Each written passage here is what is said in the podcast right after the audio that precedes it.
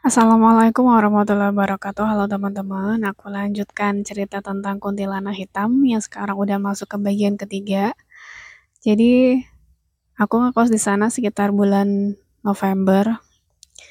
E, kemudian, ya biasalah waktu itu usia kandunganku mulai berapa aku lupa. Yang pasti, ketika usia kandunganku udah masuk 14 minggu, itu aku mengalami keguguran jadi awal mula ceritanya itu sore-sore kan suamiku uh, masuk shift pagi dan sore itu suamiku udah pulang gitu kan. Ya udah suamiku kan seneng nyenengin aku. Jadi aku diajak jalan-jalan. Kami tuh ke UNES. Di UNES itu kan ada makanan ya ala mahasiswa itu kan murah-murah gitu kan. Aku kan seneng ya jajan yang murah-murah kayak gitu.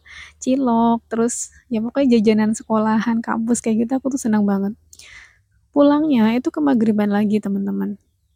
Di turunan UNES eh kalau dari UNESnya itu kan arahnya turun ya. Kalau dari bawah sih arahnya manjat kan. Nah turunan itu sebelah kiri itu kan ada masjid Sebelum sampai masjid, aku tuh melihat sosok hitam putih gede, rambutnya rewo-rewo, tapi agak abstrak. Aku tahu itu bukan manusia, aku langsung buang muka ke arah kanan. Gitu. Jadi aku nggak lihat lagi, terus aku baca ayat kursi, terus malamnya itu, malamnya tuh aku mimpi buruk. Settingan latar tempatnya itu sama di rumah mbahku yang zaman dulu, tapi kan kalau yang kuntilanak hitam tuh aku lihatnya di dalam rumah, gantungan di di tiang gitu ya, di tiang yang melintang gitu. Nah, kalau yang ini itu kejadiannya tuh di sumur. Zaman dulu mbahku waktu rumahnya belum direnov itu sumurnya tuh masih sumur di luar, terpisah dari rumah gitu. Di kebun terpisah dari rumah, nah itu di situ. Itu aku melakukan sesuatu sama orang itu dan aku tuh rasanya tuh bagian bawah tuh basah ketika aku buka mata ternyata itu darah. Kalau teman-teman cewek uh, pernah hamil itu pasti akan tahu bahwa uh, sering sering kayak keputihan apa ya bukan keputihan tapi lengket gitu loh. Kalau bumil tuh sering lengket uh, sering basah gitu. Tapi bukan basah yang karena gairah atau sorry sange gitu tuh enggak. Itu tuh basah. Bumil tuh sering aku hamil hamil tuh sering kayak gitu kalau lagi hamil tuh. Nah itu aku pikir juga sama bahasanya kayak gitu. Cuman aku perasanya tuh beda. Jadi aku bangun tidur dan aku merasa bagian bawahku basah tuh aku langsung merasanya tuh nggak enak. Aku langsung ke kamar mandi dan itu darah.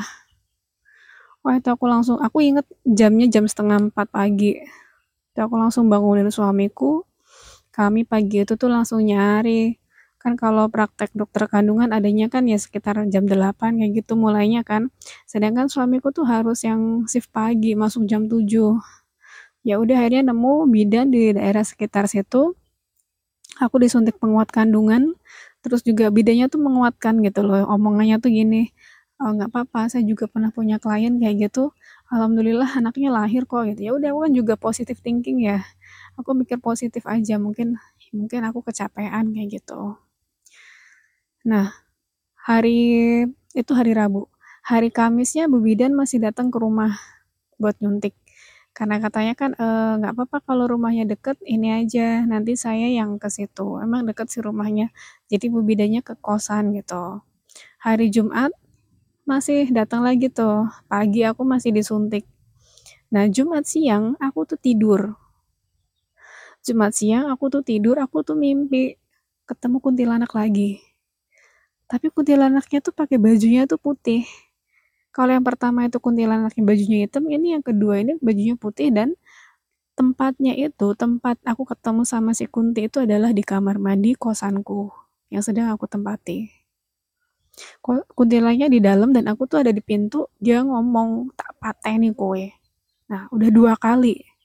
Udah dua kali aku diomong tak pateni kowe aku mau bunuh kamu kayak gitu oleh kuntilanak Dah tuh aku kebangun. Aku kebangun, terus rasanya tuh memang sering ngantuk teman-teman. Ya mungkin aku waktu itu mikirnya kan karena aku masih bumil ya lemah gitu kan.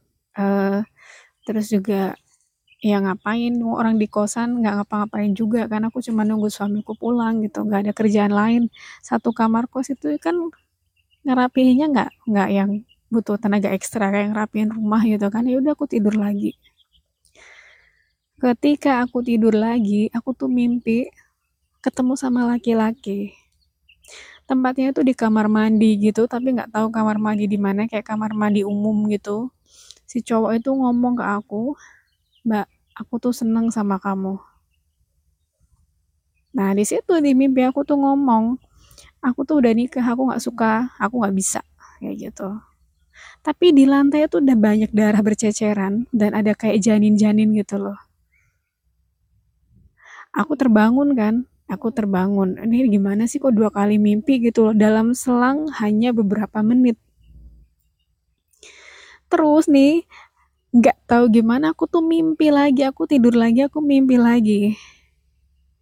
Dan di mimpi itu aku di dalam sebuah rumah. Nggak tahu rumah siapa. Di situ ada cowok ngedeketin aku.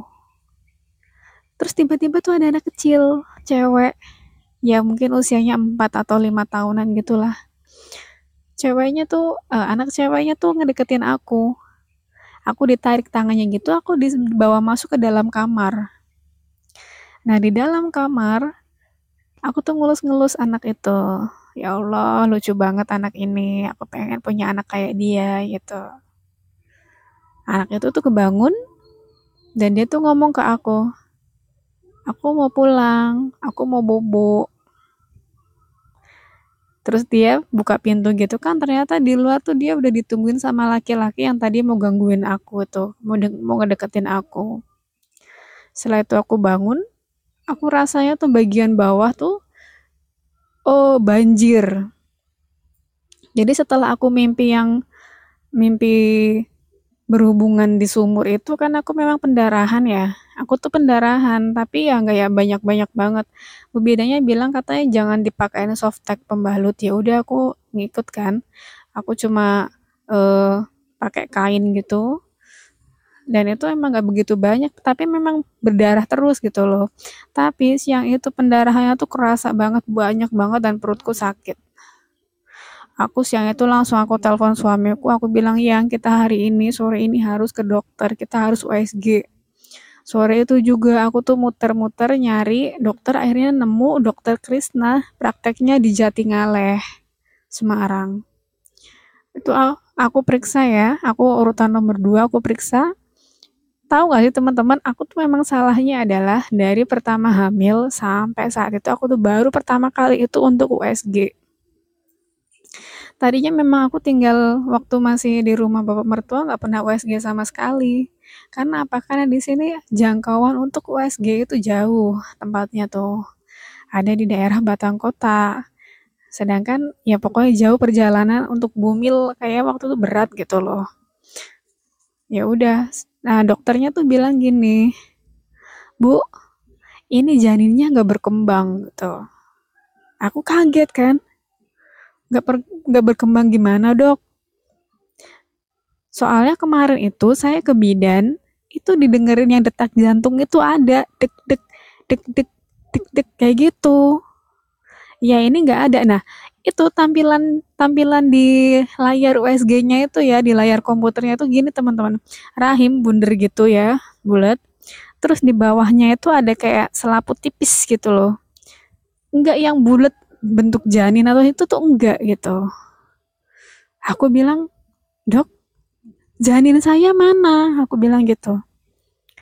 Ya nggak ada bu. Ini kemungkinan nggak berkembang gitu. Itu yang di bawah itu apa? Itu janin bukan itu janin yang bukan berkembang eh, janin yang berkembang yang nggak berkembang bukan? Aku tanya gitu kan.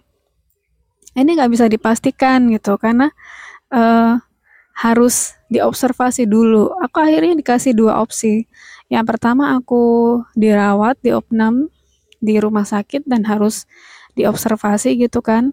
Kalau misalkan memang nggak bisa untuk berkembang lagi, aku akan dikuret. Yang kedua, aku disuruh untuk memilih uh, bed rest atau rawat jalan di rumah. Aku pilih yang kedua. Karena apa? Satu, Aku dan suamiku di situ cuma tinggal berdua. Kasihan suamiku kalau harus kerja dan ngurusin aku ke rumah sakit gitu kan. Yang kedua, biaya teman-teman. Aku awal nikah tuh ngenes banget. aku untuk uh, ngurusin selama aku hamil dan pendarahan kayak gitu aja tuh udah habis uang banyak banget gitu loh. Aku kasihan banget sama suamiku ya udah sepanjang perjalanan dari sana tuh aku nangis terus. Yang aku tuh udah feeling itu yang pamit di kamar eh itu yang pamit di mimpiku itu adalah anak kita. Suamiku tuh ngadem-ngademin perasaanku. Udah positif aja. Dokternya kan nggak bilang gimana gimana. Oh ya udah tapi aku tuh udah perasaan itu anakku. Itu yang pamit itu adalah anakku gitu Oke, akan aku lanjutin lagi ya teman-teman karena anakku udah manggil. Terima kasih. Assalamualaikum warahmatullahi wabarakatuh.